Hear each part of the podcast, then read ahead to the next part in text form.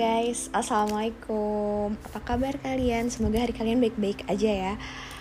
Selamat menjalankan ibadah puasa juga. Sama aku mau mengucapin makasih banyak buat kalian yang udah nonton podcast aku Sampai kemarin terakhir 300an gitu, Gak nyangka sih. Dan makasih juga udah nonton podcast-podcast aku. Eh nonton, dengerin podcast aku.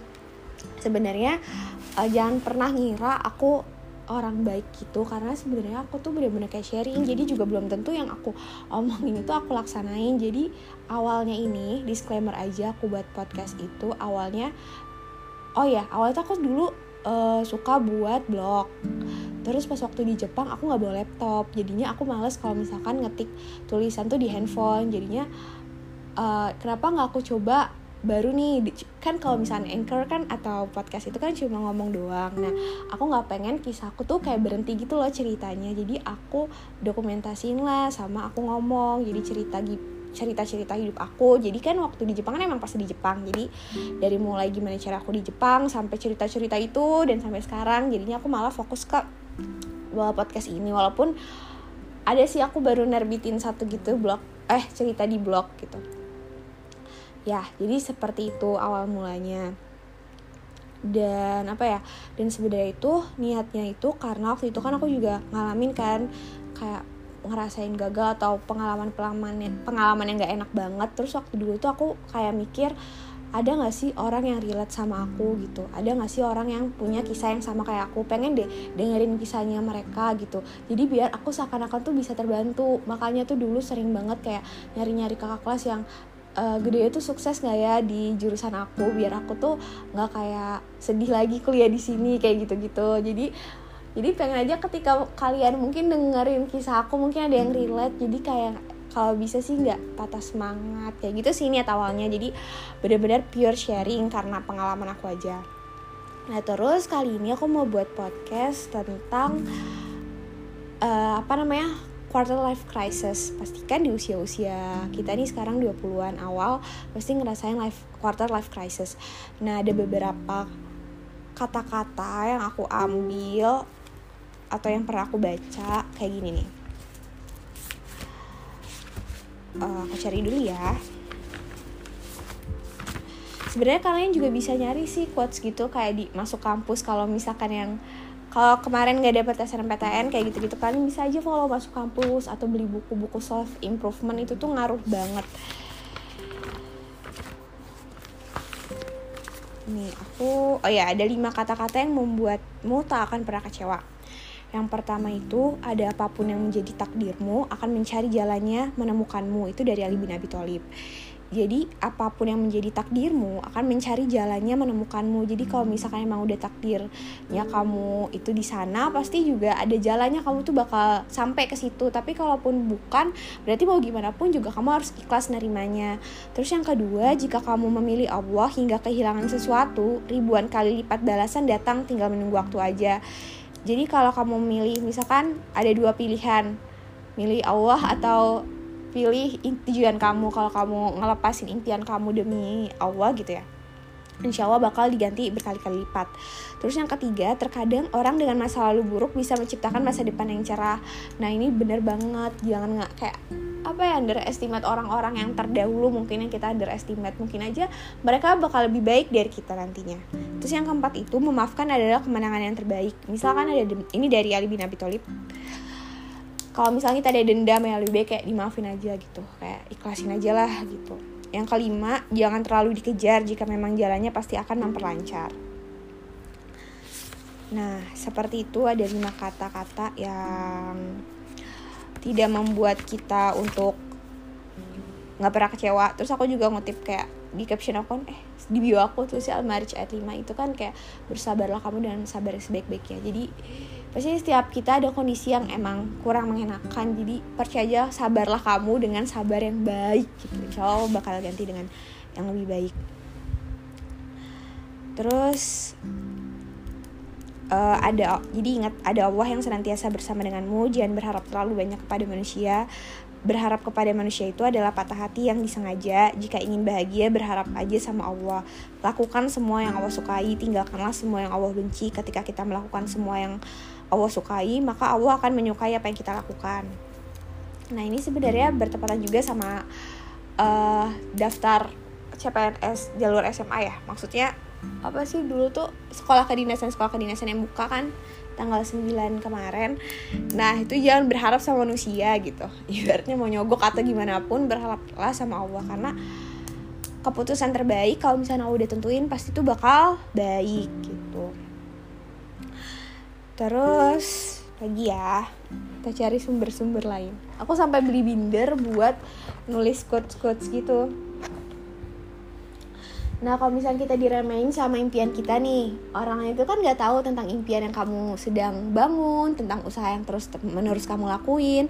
Jadi wajar mereka nyalain, komentarin, atau berprasangka tentang kamu. Karena sekali lagi cuma kamu yang tahu kenapa melakukan semuanya. Dan mau ke mana arahnya? Kamu juga gak perlu jelasin apa-apa Karena mimpimu itu milikmu. Menolehlah karena suara sekitar Tapi jangan pernah balik badan. Kamu udah sejauh ini Jadi jangan berhenti kalau ada di fase-fase seperti itu.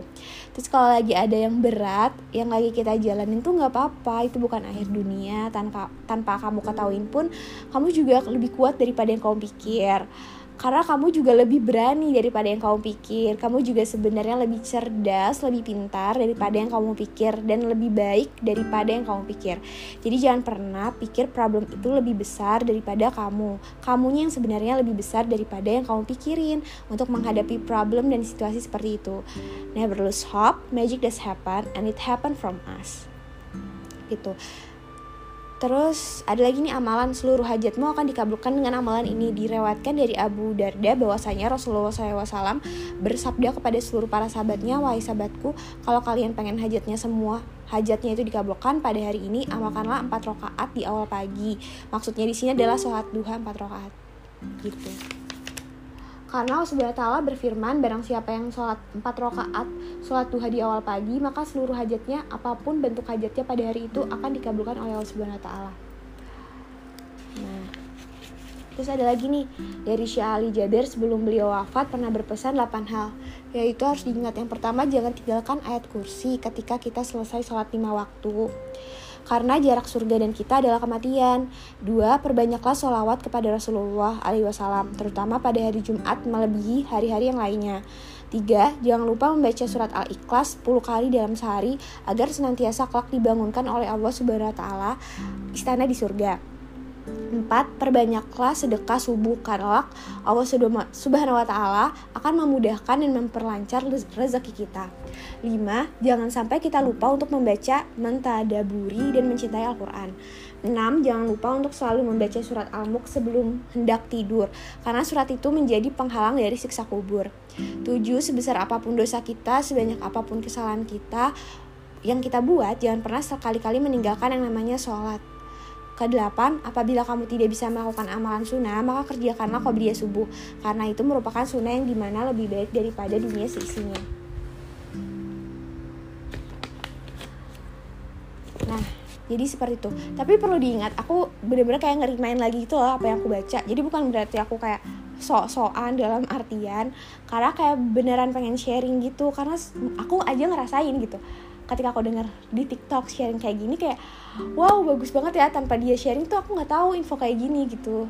Siapa tahu someday aku bisa ngamalin. Nah kayak gitu yang kayak pengen ilmunya tuh kayak nggak pernah lepas. Jadi kayak air ngalir kayak orang tuh pasti dapetin dapetin dapetin. Kalaupun kalian gak dapetin dari TikTok kan kalian bisa dapetin dari aku kan. Dan itu jadi reminder buat aku kalau aku udah ngomong kan harusnya aku ngelakuin kayak gitu. Tapi bukan berarti aku ngelakuin ini semua kayak kayak mengertilah aku seperti kalian gitu nah kayak gitu. Nah klimaksnya di sini adalah klimaksnya lagi.